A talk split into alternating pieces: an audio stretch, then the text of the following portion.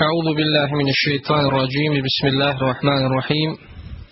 الحمد لله رب العالمين والصلاة والسلام على أشرف الأنبياء والمرسلين رسولنا محمد وعلى آله وصحبه أجمعين وسلم تسليما كثيرا. يا أيها الذين آمنوا اتقوا الله حق تقاته ولا تموتن إلا وأنتم مسلمون. Sva hvala uzvišenom Allahu, gospodaru svjetova i neka salavat i salam na našega poslanika Muhammeda sallallahu ta'ala alaihi wasallam. Na početku zahvaljujem svevišem Allahu koji nam je omogućio da večeras govorimo o njegovoj vjeri, odnosno o temi koja je najavljena, to je značaj i uloga vjere u prevazilaženju životnih nedaća. Nema sumnje da je čovjekov život na ovome svijetu ispunjen raznim nedaćama, tegobama i problemima i nijedan čovjek toga nije sačuvan. To jeste bit i suština i priroda života na ovome svijetu. Jer ga je uzvišeni Allah takvim i učinio. Dok je Ahiret, onaj vječni svijet, učinio mjestom rahatluka i uživanja, na kojem neće biti ni bolesti, ni tuge, ni brige, ni bilo kakve nedaće i nevolje. Poznato je da svi ljudi teže, teže sretnom i udobnom životu. Međutim, većina ljudi u tome pogriješi, a malo ih do cilja stigne. Većina ljudi ne zna u čemu je istinska sreća i rahatluk, pa je na pogrešnom mjestu i traži. Da bi našli pravu sreću i da bi se oslobodili brige za tim, veoma je bitno da čovjek shvati suštinu ovoga svijeta. Niko pa čak i nevjernici, ne sumnjaju da je ovaj svijet prolazan i da čovjek na njemu samo privremeno boravi. Onaj svijet je vječan i na ovom svijetu čovjek treba da se trudi da zaradi blagodati i vječna uživanja koja je uzvišeni Allah obećao vjernicima na onome svijetu. Svaki čovjek treba sebi postaviti određena pitanja, pitanja života, i na njih naći ispravan odgovor. Ta pitanja su odakle dolazim, zašto postojim ili šta je svrha moga života i kuda poslije smrti istine koju niko ne može poreći. Ispravan odgovor, naravno, na sva ova pitanja možemo naći u Allahovoj knjizi Kur'anu, koja nam daje najbolji i najprecizniji odgovor na mnoga suštinska životna pitanja. Istinsku sreću i udoban život možemo ostvariti samo ako vjerujemo u Allaha subhanahu wa ta'ala, ako vjerujemo u sudnji dan i činimo dobra djela, a izbjegavamo loša djela. A to, je, a to jeste svrha zbog koje nas je uzvišena Allah subhanahu wa ta'ala stvorio. Kaže uzvišeni subhanahu wa ta'ala, onome ko čini dobro, bio muškarac ili žena, a vjernik je, mi ćemo dati da proživi lijep život i doista ćemo ih nagraditi boljom nagradom nego što su zaslužili. Sa ovakvim pogledom na Dunjaluk i sa ovakvim vjerovanjem i ubjeđenjem čovjek će ostvariti lijep i udoban život na ovome i onome svijetu. Dok čovjek čija vjera u Allaha subhanahu wa ta'ala i u sudnji dan bude slaba onaj ko je pokolebljiv u svome vjerovanju ili onaj ko nikako ne vjeruje, on će živjeti na ovome svijetu tegobnim životom, o čemu govori uzvišeni Allah u svojoj plemenitoj knjizi pa kaže a onaj ko okrene glavu od knjige moje, od moga spomena, taj će teškim, tegobnim životom živjeti i na sudnjem danu ćemo ga slijepa oživjeti. Pod tegobnim životom se misli na život pun nezadovoljstva, duševnih poremećaja i nestabilnosti. Život prepun brige i straha. Zbog raznoraznih tegoba i nedača, čovjek često zapada u tugu i brigu koje su posljedica životnih nedača, koje mu mogu uveliko zagorčati njegov život i na kraju i ugroziti njegovo mentalno zdravlje jedno od najvećih Allahovi blagodati koje daje čovjeku.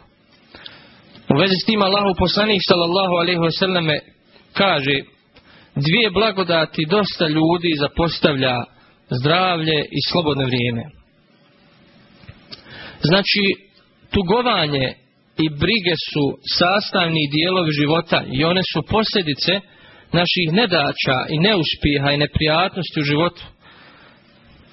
I one su normalne, međutim, ako pređu granicu i ako su konstantne, ako su svakodnevne, one mogu ostaviti nesagledive posljedice na čovjekov život, kao što smo prethodno učinili. Zagorčati mu život, učiniti ga duševno rastrojenim i na kraju groziti njegovo mentalno zdravlje. Mnogim ljudima svakodnevna briga i tuga predstavlja jedan veliki problem i teret u životu. I svi nastoje da se oslobode brige, ali u tome slabo uspijevaju. Kada govorimo o tim brigama, o tegobama, moramo napomenuti da ovo vrijeme u kojem mi živimo zasigurno prepoznatljivo po tome. Znači, nedaće, nevolje, brige su jedna nerazdvojna karakteristika ovog vremena u kojem mi živimo. Svi se pitaju, svi razmišljaju o tome kako da se oslobode briga, kako da ih prevaziđu na što bezbolniji način. Nema sumnje da je najbolji način da se čovjek oslobodi brige i tuge i da ih prevaziđe jaka i čvrsta vjera. Mnogi će kazati, je li moguće da je u vjeri rješenje za sve naše probleme u Dunjaluške? Je li moguće da nam vjera može pomoći u svemu? Naravno da je moguće ako gledamo na vjeru, na islam kao kompletan sistem ljudskog života koji ulazi u sve segmente, sve njegove segmente i naravno vjera kao univerzalna, jeli, univerzalan način života koji nam je uzvišen Allah spustio preko poslanika, ali wasalam, nam rješava većinu ili veliku većinu naših problema. Zato statistički podaci pokazuju, recimo, da su simptomi mentalnih oboljenja kod osoba koje se dosljedno pridržavaju vjere i slabije izraženi nego kod osoba kod kojih nema vjere ili koji se, koji se vrlo rijetko pridržavaju vjere. Kazali smo da je tuga, odnosno i briga, da su to posljedice životnih nedača i neuspjeha. I normalno je da čovjek tuguje i da se brine. Tuga je duševno stanje čovjeka koju prouzrokuju određeni događaji i dešavanje u životu kao što je gubitak i metka, položaja ili dragih osoba, neuspjeh u školi, na fakultetu i tako dalje. I tu ga se spominje u uzvišenom Koranu, kada uzvišen Allah subhanahu wa ta'ala kaže mi reko smo silazite iz njega svi. Od mene će vam uputa dolaziti i oni koji uputu moju budu slijedili, ničega se neće bojati i ni za čim neće tugovati. Sura El-Bekara 38. ajet. Ovaj ajet, odnosno prijevod značenja ajeta, upućuje na to da kada da ko bude slijedio Kur'an i pravi put, neće tugovati na onom svijetu. Jer će zateći ono što će ga obradovati. Dok će nevjernici uveliko žaliti i tugovati jer su propustili jedinu priliku na Dunjaluku da odaberu pravi put i pokornost uzvišenom Allahu subhanahu wa ta'ala. Znači tuga je normalna pojava kod svakog čovjeka kada na ovom svijetu doživi određene poteškoće, neugodnosti, nedaće i neuspjehe i najodobraniji Allahovi robovi, poslanici, alaihim salatu wasalam, su tugovali. Tako je poslanik Muhammed, wasalam, dugo tugovao što njegov narod nije htio da vjeruje. O tome uzvišeni Allah kaže, a zar ćeš ti od tuge svisnuti što oni neće da vjeruju? A Ikrime o tugi kaže, svako se raduje i tuguje, ali učinite radost zahvalom, a tugu strpljenjem. Znači svako tuguje, ali tuga je stanje koje vremenski treba biti ograničeno, jer ako duže potraje i postane konstantno, tada prelazi u jedan kompleksni problem. Islamski učenjaci su tugu podijeli na dvije vrste. Prva vrsta je tuga zbog gubitka ovo svjetske koristi Svaki musliman treba da navikava svoju dušu da prekomjerno ne želi zbog gubitka neke ovo svjetske blagodati i koristi. Jer u suštini i ovaj svijet u odnosu na hiret ne vrijedi i ne predstavlja ništa, a u svakom slučaju čovjek je samo privremeni vlasnik onoga što posjeduje na ovome svijetu. Prema tome, nema za čim tugovati. Zbog toga bi čovjek trebao nastojati da što prije nadvlada ovu vrstu tuge. Normalno je da se ona pojavi kod čovjeka, ali ne smije biti konstantna i ne smije biti prekomjerna. Jedan od primjera ove vrste tuge je smrt Allahovog poslanika sallallahu alaihi sallam koja je teško pala i veoma rastužila shabe, prije svega Abu Bekra i Omera, koji su otišli kod Ummu Eimen i kada su stigli kod nje, počela, i ona je počela plakati. Zašto plaćeš? Upitali su je. Ono što je kod Allaha bolje je za poslanika. A ona im odgovori, tako me Allaha ne plaćujem zbog toga što ne znam da je to tako, nego zbog toga što je objava prekinuta. Nakon toga su i njih dvojica zaplakali. Znači ako je bilo koja vrsta tuge dugotrajna, može izazvati teža, znači psihička oboljenja i može čovjeka baciti u depresiju i be, beznađe. Druga vrsta tuge je pohvalna i preporučljiva, a to je tugova, tugovanje zbog nekog propusta u vjeri, zbog e, stanja vjere i vjernika ili zbog prekidanja nekog dobra kojeg smo činili ili kojeg smo imali. Međutim, ni ova tuga ne smije biti prekomjerna, jer može odvesti čovjeka u očaj i lijenost. Primjer ove tuge je smrt. Allahovog, znači poslanika, ali salatu wasalam, jeli, kao i ovom primjeru prethodnom, koja je ražalostila shabe, ali oni nisu pali u očaj i beznađe, nego su i dalje nastavili e, pravim putem i nastavili su da čine dobro. Nameće se jedno veoma bitno pitanje, a to je pitanje kako i na koji način vjerom prevazići posljedice ovodunjalučkih nedača, neuspjeha i tako dalje, nema sumnje da je na prvom redu jedan od najvažnijih uvjeta da bi prevazišli te nedaće uspješno i što bezbolnije jeste čvrsto vjerovanje. Znači čvrsto vjerovanje je najbolja preventiva prije svega i lijek za tugu i za brigu, a naročito ako su one prouzrokovane vanjskim uzrocima. Uzvišena Allah subhanahu wa ta'ala je svoje milosti učinio Kur'an lijekom i za dušu i za tijelo. Pa u suri Yunus kaže, o ljudi, već vam je stigla poruka od gospodara vašeg i lijek za ono što je u vašim prsima i upustvo i milost vjernicima. Kur'an nadprirodno djeluje na ljudsku dušu i ljudske misli. Ako hoćemo sreću i rahatluk na oba svijeta, trebamo se vratiti Kur'anu i sunnetu i u potpunosti prakticirati u svim segmentima našega života. Samo na taj način ćemo moći ostvariti našu ovodunjalučku sreću, rahatluk i samo ćemo na taj način prevazići naše ovodunjalučke nedaće i probleme. Znači, prva i najvažnija preventiva i lijek za naše tugovanje, za naše probleme, za, za posljedice naših nedaća jeste čvrsto ispravno islamsko vjerovanje koje ima veliki utjecaj na čovjekova osjećanja, razmišljanja i ponašanje. U islamsko vjerovanje prije svega spada vjerovanje u Allahu u Đelešanu u odredbu ili određenje, odnosno u šesti, šesti imanski šart, obil kaderi hajrihi wa šerrihi min Allahi ta'ala, da sve što se događa, izbiva, da, da se događa uz Allahovu volju određenje, predodređenje i Allahov nadzor. Ništa Allahu ne izmiče. Svaki događaj ima svoj smisao, ima svoje zašto. Ovo vjerovanje ne dozvoljava čovjeku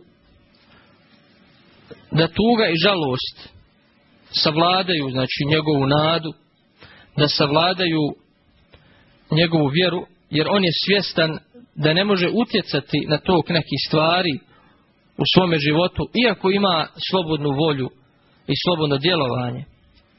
Prenosi se od Ibn Abbasa radijallahu ta'ala anhu da je poslanik sallallahu ta'ala alaihi wasallam rekao znaj da kada bi se svi ljudi okupili da ti kakvu korist pribave neće ti pribaviti osim onoliko koliko ti je Allah odredio. I kada bi se svi ljudi okupili da ti nešto naude, neće ti nauditi osim onoliko koliko je Allah odredio. U drugoj predaji stoji da je poslanik alaihi salatu wasalam rekao znaj da ono što te zadesilo nije te moglo ni, ni mimo ići, a ono što te mimo išlo nije te, nije te moglo ni zadesiti. Kada smo svjesni da su događaja izbivanja već predodređena i zapisana, zašto da mnogo žalimo i zašto da se bojimo i da strahujemo od ljudi kada znamo da nam ne mogu koristiti niti nauditi osim onoliko koliko je Allah odredio. Kaže uzvišeni subhanahu wa ta'ala, nema nevolje koja zadesi zemlju i vas, a koja nije prije nego što je damo zapisana u knjizi, to je Allahu u istinu lahko, da ne biste tugovali za onim što vam je promaklo i da se ne biste previše radovali onome što vam on dadne, Allah ne voli nikakve razmetljice hvalisavce. Neki ljudi, na primjer, kada izgube imetak ili ne uspiju u trgovini ili im umre neko od njima milijih osoba ili izgube položaj u društvu, previše tuguju i očajavaju. Da su sve ovo prihvatili kao iskušenja koja je uzvišene Allah odredio i kojima ih iskušava, ne bi prekomjerno tugovali i očajavali, a na to se odnose i riječi uzvišenog Allaha subhanahu wa ta'ala, da ne biste tugovali za onim što vam je promaklo. I s druge strane, čovjek ne treba da se previše raduje zbog onoga što mu Allah da, jer to može odvesti nezahvalnosti i oholosti i zaboravljanju onoga svijeta, a uzvišeni Allah kaže i Allah ne voli ni gordog ni hvalisavog. Znači umjerena radost i veselje zbog onoga što postignemo od ovodunjalučkih blagodati čini nas poniznim i daleko od svake hvalisavosti i oholosti, a u isto vrijeme čovjek treba da zna da prekomjerna radost zbog blagodati prouzrokuje prekomjernu žalost kada te blagodati nestanu.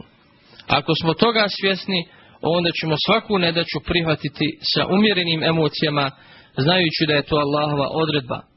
Ako sa umjerenim emocijama prihvatamo nedaće i radosti, onda ćemo živjeti jednim smirenim i uravnoteženim životom. Također jedna od stvari koje su posebno značajne u prevazilaženju životnih nedaća jeste vjerovanje u sudnji dan, odnosno vjerovanje u polaganje računa i u proživljenje. Svaki vjernik koji čvrsto vjeruje u sudnji dan svjestan je da je ovaj svijet njegovo privremeno boravište i da zbog toga i ne vrijedi, jer ono što je prolazno i što ćemo sigurno izgubiti bez obzira koliko se cijeni u suštini ne vrijedi. Kada vjernik izgubi sebi dragu osobu, on je ubijeđen da će se sa njom ponovo sresti na onome svijetu, ako je ta osoba vjernik. Osoba koja je ubijeđena u onaj svijet gleda na dunjalu kao nešto što nema nikakve vrijednosti, pa ako izgubi dio ovo dunjalučkih blagodati, ne pada u očaj depresiju, jer zna da je Allah pravi vlasnik svega. U vezi sa bezvrijednošću Dunjaluka Allahu poslanik sallallahu alaihi wasallam je rekao da ovaj svijet kod Allaha vrijedi i koliko je krilo mušice, nevjernik na njemu ne bi popio ni gutljaj vode. Jedan od najboljih dokaza i primjera da vjerovanje onaj svijet umanjuje tugu je slučaj smrti Ibrahima poslanikova sallallahu alaihi wasallam sina. Kada Ibrahim umro Allahu poslanik sallallahu alaihi wasallam je povodom toga rekao Oko pušta suze i srce tuguje, ali nećemo govoriti ono što gospodara srdi, da nema istinskog obećanja i da jedni drugi ne pratimo, odnosno ne umiremo, zato bom bi Ibrahime uveliko tugovali. Hadis bježi Buharija, Muslim, Ebu Dawuda, Denesa, radijallahu ta'ala. Također od stvari koje su značajne i bitne u prevazilaženju životnih tegoba i nedaća jeste vjerovanje, odnosno ispravno vjerovanje u značenje Allahovih lijepih imena i njegovih savršenih svojstava. To i kako ima utjecaja u pravilnom razumijevanju određenih događaja u našem životu, što ćemo vidjeti iz sljedećih primjera. Vjerovanje u Allahu Đelešanu imena i svojstva nije samo teorija. Nije samo bitno znati Allahova imena i svojstva. Nego vjerovanje koje, to je vjerovanje koje ostavlja dubok trag i utjecaj u našem svakodnevnom i praktičnom životu. Pravi musliman čvrsto vjeruje da je Allah subhanahu wa ta'ala vladar, el melik, da je el hakim, da je mudar, da je el qadir, da je moćan, da je el mu'ti, onaj koji sve daje, i da je el mani, onaj koji, sve, onaj koji uskraćuje ljudima, i u sva druga Allahova imena i svojstva, koja potvrđuje Kur'an i sunnet. Zato čovjek koji vjeruje da je Allah istinski vladar i gospodar svega, da daje i uskraćuje, neće se nikada usprotiviti njegove odredbi i bit će sa svakom odredbom zadovoljan. Onaj ko vjeruje da je Allah el hakim, mudar, i da su sve njegove odredbe utemeljene na mudrosti, da imaju svoj cilj i svrhu, bez obzira dok učio čovjek tu mudrost ili ne, sve Allahove odredbe će prihvatiti kao ono što je dobro po njega, bez obzira bila njegova duša s tim zadovoljna ili ne. Zato kaže uzvišeni Allah subhanahu wa ta'ala, možda vi nešto prezirete, odnosno ne volite, a u tome Allah da veliko dobro po vas. Kao primjer ću navesti kuransko kazivanje koje je svima poznato kazivanje u Musavu i Hidru koje se spominje u suri El Kehf. U ovom kazivanju se spominje da je Hidr ubio jednog dječaka. Na što je Musa, a.s. burno reagovao i rekao što ubi dijete bezgriješno, koje nije nikoga ubilo, učinio si zaista nešto vrlo ružno. I mi bi na prvi pogled, kada bi vidjeli da neko ubija malodobno dijete, isto bi reagovali kazali, začudili se. Nakon što, se, što su završili svoje putovanje, Hidr je objasnio Musa'u razlog njegovih postupaka. A za ubijenog dječaka je rekao, što se onog dječaka tiče, roditelji njegovi su vjernici, pa smo se bojali da ih on neće na nasilje i nevjerovanje navratiti, a mi želimo da im gospodar njihov mjesto njega da boljeg i čestitijeg od njega i milostivijeg. Sura El Kehf 80-81 ajet. Ovaj događaj je posebno zanimljiv i važno istaknuti da postoji razmoilaženje među islamskim učenjacima da li je Hidr bio vjerovjesnik ili je bio pobožan, samo pobožan čovjek. Po, po ispravnijem mišljenju, on je bio vjerovjesnik jer da bi činio dijela koja se spominju u Kur'anu, odnosno suri Kehf, morao je imati objav od uzvišenog Allaha subhanahu wa ta'ala. Kao još jedan primjer da često u životu stvari koje prezirujemo i ne volimo budu dobre po nas, znači u našoj u njihovoj konačnici, naveću znači primjer i slučaj čovjeka koji je Allahovom odredbom izbjegao avionsku nesreću. Spominje je doktor Abdullah al-Khatir u svojoj knjizi Tuga i depresija u svjetlo Kur'ana i sunneta svoj razgovor sa čovjekom koji je zbog kašnjenja na avion izbjegao avionsku nesreću. Inače ta avionska nesreća se dogodila 1989. godine na Rijadskom aerodromu i u njoj je poginuo, poginuo 301 putnik. Čovjek koji smo spomenuli spominje kako se desilo da zakasni pa kaže Imao sam namjeru da putujem tim letom, međutim, kada sam stigao na aerodrom i ostavio auto na parkingu, sjetio sam se da sam greškom ključ od auta ostavio unutar auta. Vratio sam se i potrošio sam neko vrijeme tražeći načina da izvedim ključ, a u isto vrijeme sam strahovao da ne zakasnim na let, jer bio mi je veoma važan. Kada sam uspio izvediti ključ, odmah sam se zaputio prema sali za odlaske, ali kasno. Avion je već odletio.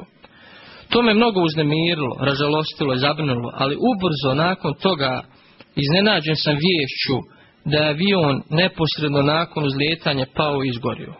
Nakon svega ovoga sam rekao hvala Allahu koji mi je podario novi život. Znači u mnogim životnim primjerima vidimo da, da određeni događaje koje ne volimo, koje prezrijemo, u stvari budu korisni i budu dobri jeli, za nas. Kako pravi musliman gleda i kako shvata životne nedaće? Pravi musliman ima posebno shvatanje životnih nedaća iskušenja i tako shvatanje treba da se zapiše zlatnim slovima. Tako shvatanje može imati samo jedan pravi iskreni vjernik. A što se tiče onih koji na nedaće i nesreće ne gledaju ovako, oni žive tegobnim i mučnim životom. Pravi vjernik čvrsto vjeruje da su nedaće i nesreće nekada znak Allahove ljubavi prema čovjeku. Što potvrđuje i Allahu poslanik alaihi u jednom hadisu kada kaže u istinu kada Allah nekoga zavoli iskuša ga. Zbog čega Allah iskušava svog miljenika? Zbog toga da ga očisti od grijeha. Da na onaj svijet ode potpuno čist. Da bi zaslužio svoj stepen, svoj deređu na onome svijetu koju mu Allah pripremio iz ljubavi prema njemu. Ovo potvrđuje drugi hadis u kojem poslanik salatu kaže ako njegova vjera bude čvrsta i iskušenje će biti teže. A ako mu vjera bude tanka, bit će iskušan naspram svoje vjere. Međutim, da bi postigli ovaj stepen, potrebno je dosta želje, dosta truda, dosta odricanja i strpljivosti. Vjernik također vjeruje da su iskušenja naspram čovjekovog imana, Znači, koje većeg imana, Allah ga više iskušava. Ovu istinu potvrđuje hadis kojem poslanik wasalam, kaže ljudi sa najtežim iskušenjima su vjerovjesnici, zatim oni dobri pobožni, zatim oni najuzoritiji i tako dalje. Musliman također vjeruje da će biti nagrađen samim tim što bude stavljen na iskušenje, mimo toga što će biti nagrađen za svoju strpljivost pri tom iskušenju. Allahu poslanik alaihi salatu wasalam kaže sve što zadesi muslimana, ovaj hadis je posebno zanimljiv, posebno vrijedan. Sve što zadesi muslimana, bolest, umor, briga, strah, tuga, pa čak i trn koji ga ubode, sve mu to briše grijehe. Hadis bježi Buharija, Muslim i ostali. Znači ovaj hadis je posebno značajan, posebno je bitno da ga imamo na umu kod naših neugodnosti i nedaća u svakodnevnom životu. ako kod sebe uspijemo izgraditi ovakvo vjerovanje, zasigurno ćemo biti smireni i spokojni u životu, istinski ćemo se oslanjati na Allaha i bez ikakvog negodovanja prihvatati njegovu odredbu.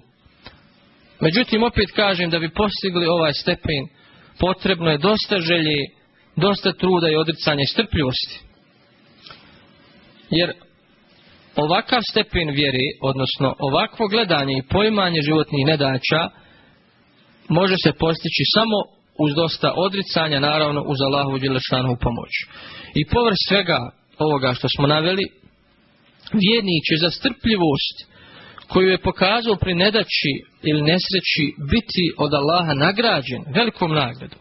Znači, pored toga što smo vjerom uspjeli savladati nedaće i prevazići ih bit ćemo nagrađeni za tu strpljivost. Kaže uzvišen Allah subhanahu wa ta'ala, samo oni koji budu strpljivi, bit će bez računa nagrađeni. Bez računa nagrađeni.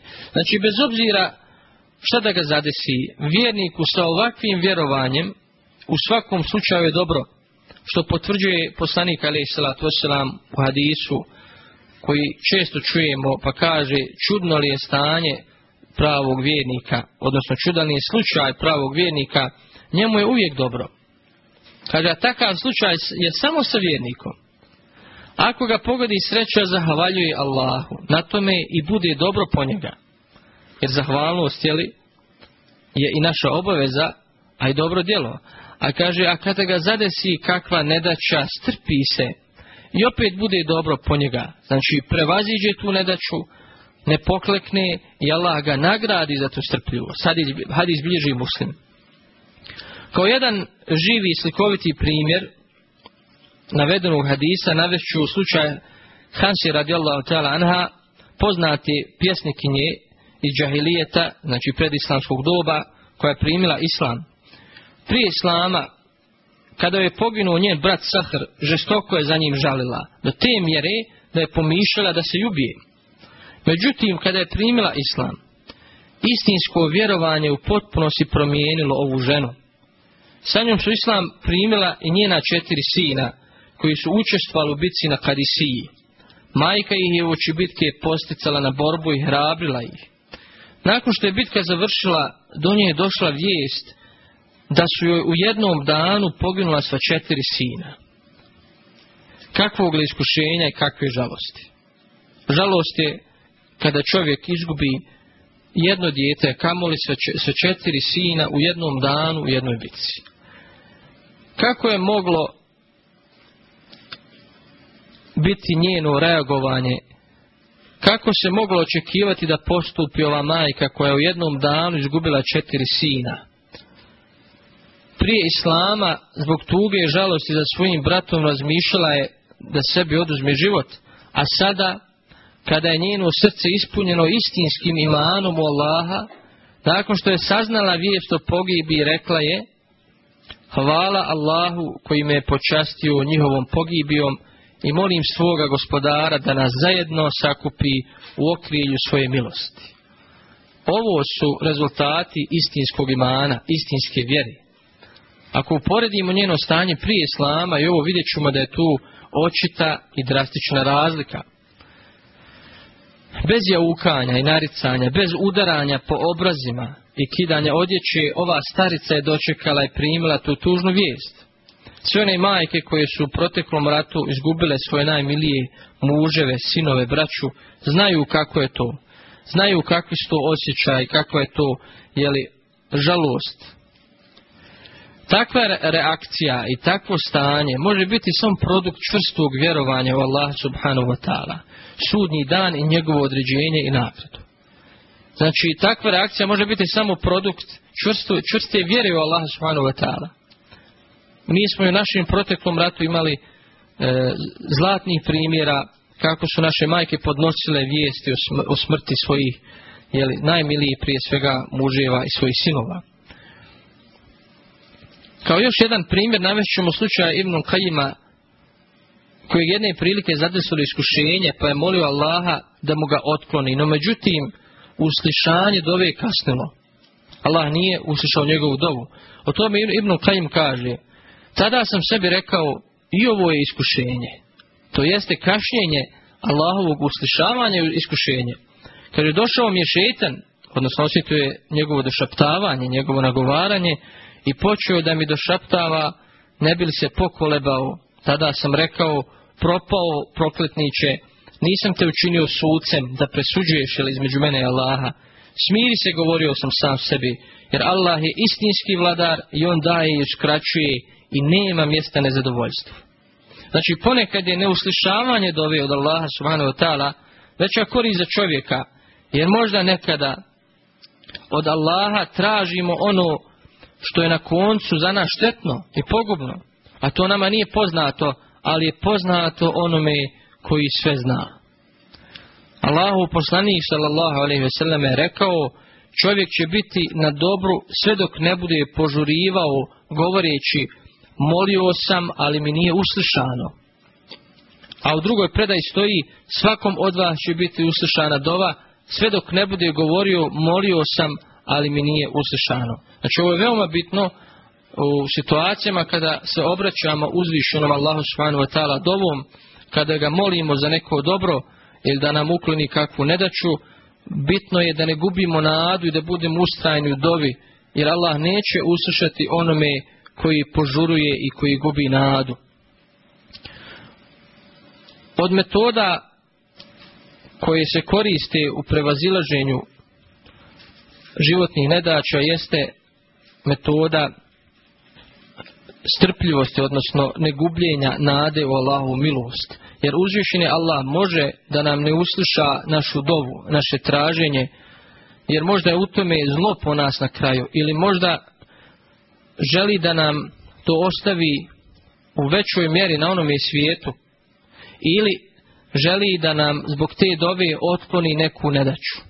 I na kraju, kao posljednju stvar koja je veoma bitna u prevazilaženju životnih nedaća i nevolja navešćemo dovu i tesbih, odnosno obraćanje uzvišenom Allahu subhanahu wa ta'ala direktno i slavljenje Allaha subhanahu wa ta'ala. Dova je jedan vid ibadeta i zasigurno jedna od najefikasnijih metoda u spriječavanju i prevazilaženju životnih nedaća, prije svega brige i svega onoga što donosi brigu i tugu. Postoje dove koje se koristi kao preventiva, a neke se koristi kao lijek. Što se tiče preventivnih dova, pravi musliman i svakodnevno koristi i uči, to su one dove kojima se Allahu utječemo od tuge i brige, bolesti i svi drugi nedača i iskušenja. Od Enesa ibn Malika radijallahu ta'ala anhu se prenosi da je rekao služio sam Allahom poslaniku sallallahu alaihi selleme kada bi negdje odsjedao i često sam ga čuo da uči dovu. Allahume inni a'udhu bike min al-hammi wal-huzni wal-ajzi wal-keseli wal-buhli wal-džubni wal-dal'i dejni wal-galebete rijal.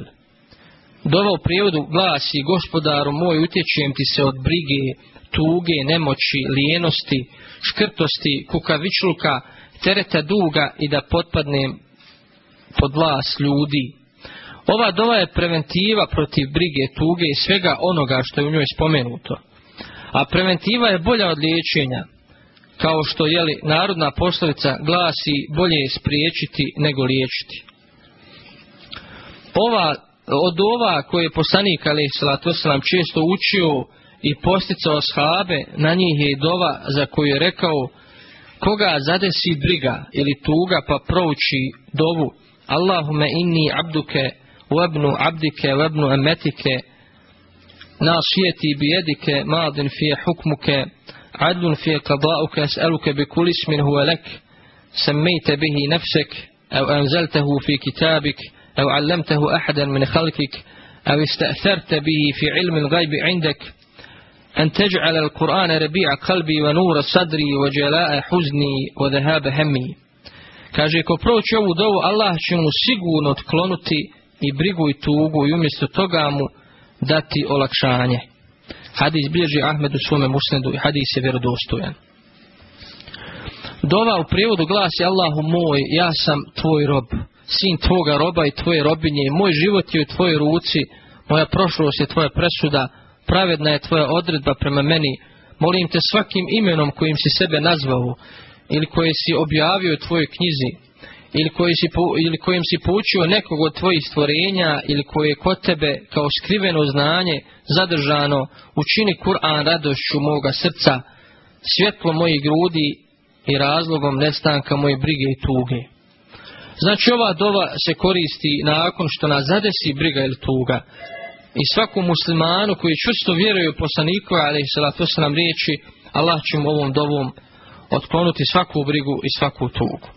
Kao što smo spomenuli, o stvari koje ublažavaju i otklanjaju brigu i tugu i životne nedeće jeste i tespih ili slavljenje Allaha subhanahu wa ta'ala riječima subhanallah, subhanallah ili subhaneke.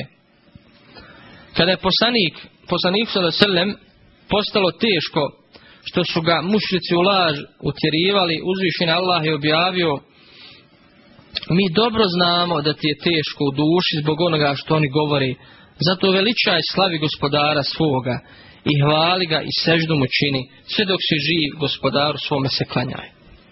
Znači ovdje je poslaniku a.s. naređeno da čini tespije. I Yunus a.s. kada je dospio utrobu kita, Allahu je putio dovu nevoljnika, La ilaha illa ente subhaneke inni kuntu zalimin. Nema Boga osim tebe, slavljen neka si, ja sam uistinu sebi nepravdu učinio. Postoje i mnoge druge poslanikove dove koje se koriste kao preventiva ili lijek za tugu, brigu i druge životne nedeće koje možemo naći u vjerodostojnim zbirkama dova od kojih je prije svega najpoznatija dova Hisnul Muslim ili zaštita svakog muslimana. Ovim završili i molim uzvišenog Allaha subhanahu wa ta'ala da nam učusti našu vjeru našim srcima, da nas pouči našoj vjeri, da nam učini vjeru e, razlogom naše sreće i rahatuka na ovome svijetu, da nam njome otkloni brigu i tugu i žalost i da svoju sreću i svoj rahatluk nađemo na onome svijetu. Kulu kavli hada wa stakfirullah ili velakum fastakfiruh innahu gafur rahim kada smo ove riječi molim uzvišenog Allaha subhanahu wa ta'ala da nam oprosti svima a on je taj koji grije oprašta. Assalamu alaikum wa rahmatullahi wa barakatuh.